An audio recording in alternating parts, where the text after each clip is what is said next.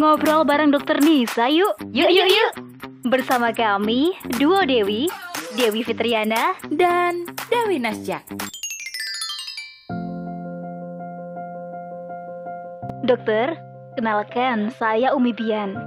Saya sering banget masuk angin dengan gejala bagian tengkuk sering nyeri terasa pegal seperti kecapean. Bagian bahu terasa capek seperti habis memikul beban.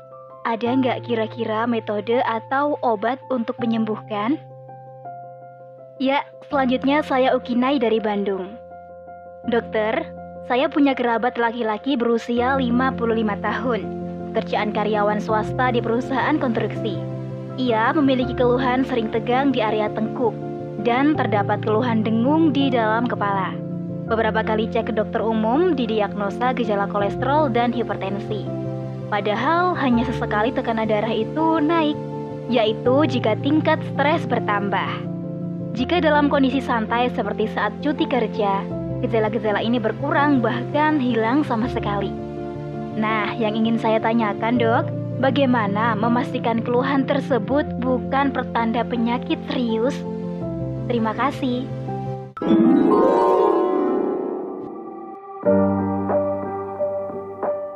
Sahabat narasipos.com yang semoga selalu dalam lindungan Allah, saya akan mencoba membahas dua pertanyaan di atas.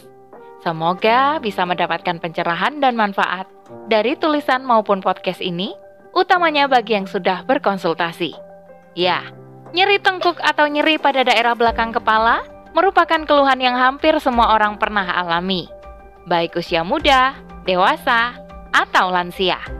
Namun, Berdasarkan pengalaman saya menjadi dokter, keluhan ini banyak dirasakan oleh ibu-ibu rumah tangga yang menjadi pasien saya. Kira-kira kenapa ya?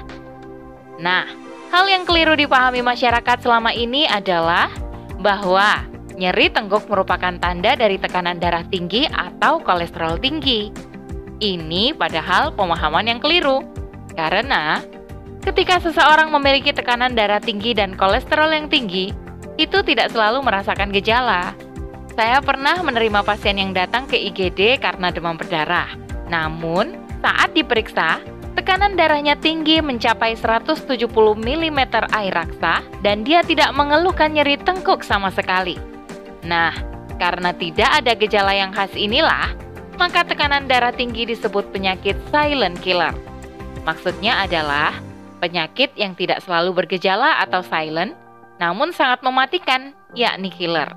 Dari sini, kita sepakat bahwa nyeri tengkuk tidak selalu berarti tekanan darah dan kolesterol tinggi.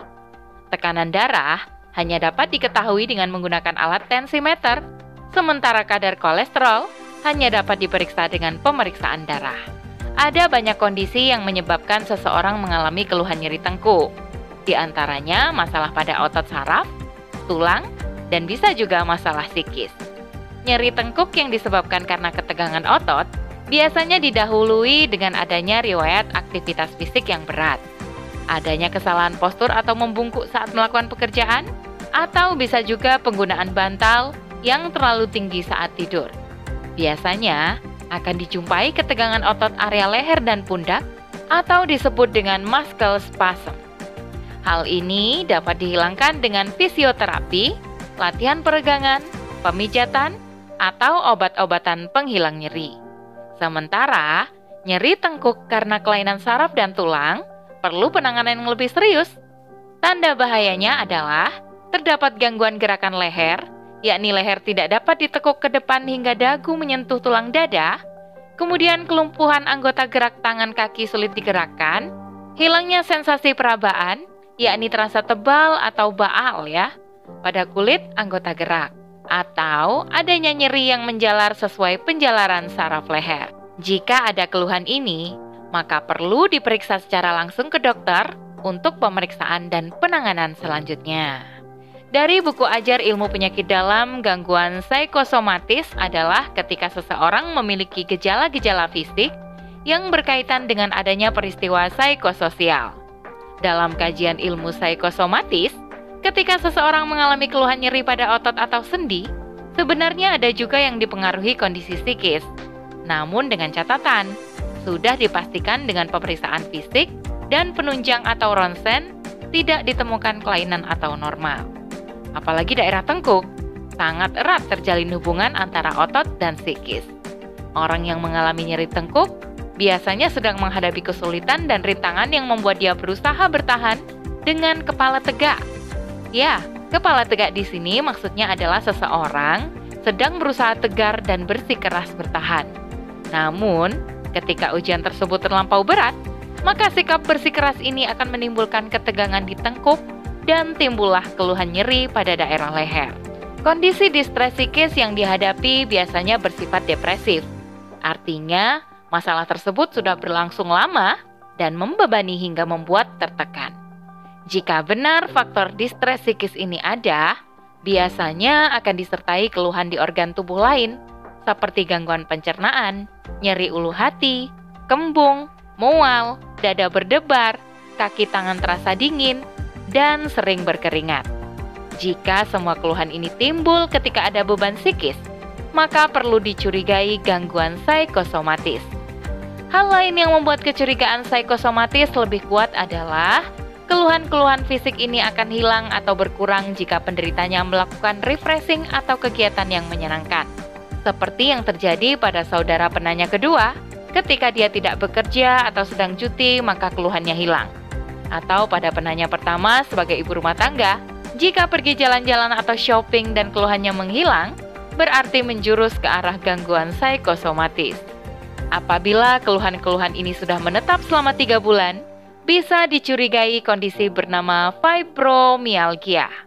Fibromyalgia adalah kondisi kronis yang berkaitan dengan gangguan psikosomatis dan menyebabkan rasa nyeri, kekakuan pada otot, tendon atau jaringan penyambung otot dan tulang, serta sendi.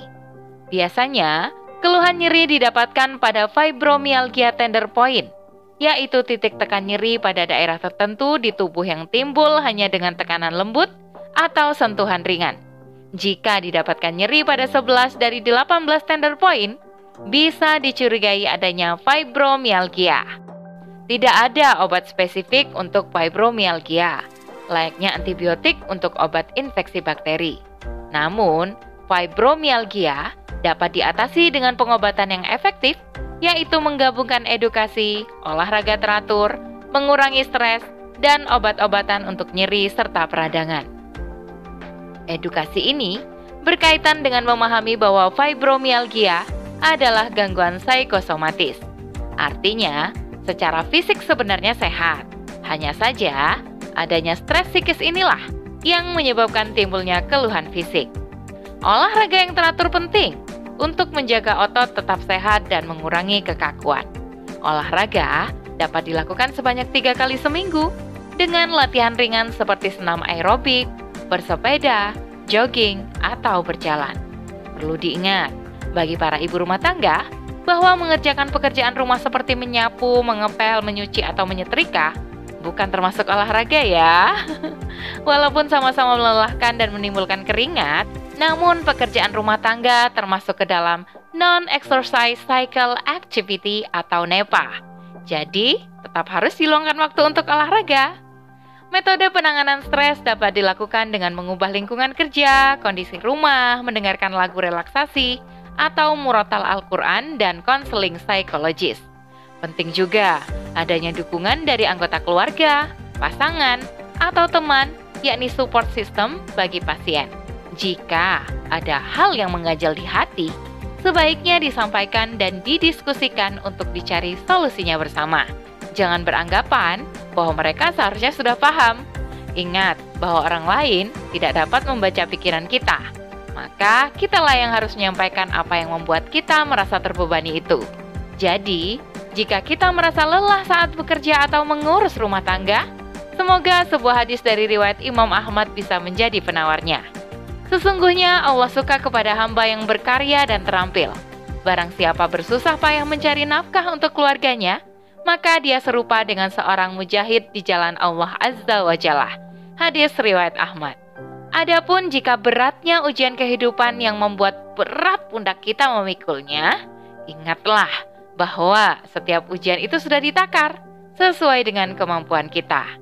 yakni ada dalam Quran Surah Al-Baqarah ayat 286. Ini artinya, segala badai ujian yang menerpa akan terlewati juga. Kita hanya perlu memastikan diri ini tetap dekat dengannya, menjalankan segala syariat Islam, dan memohon diberikan kesabaran dan kekuatan. Ya, semoga segera diberikan kesembuhan dan kepulihan seperti sedia kala ya. Amin ya Robbal 'Alamin.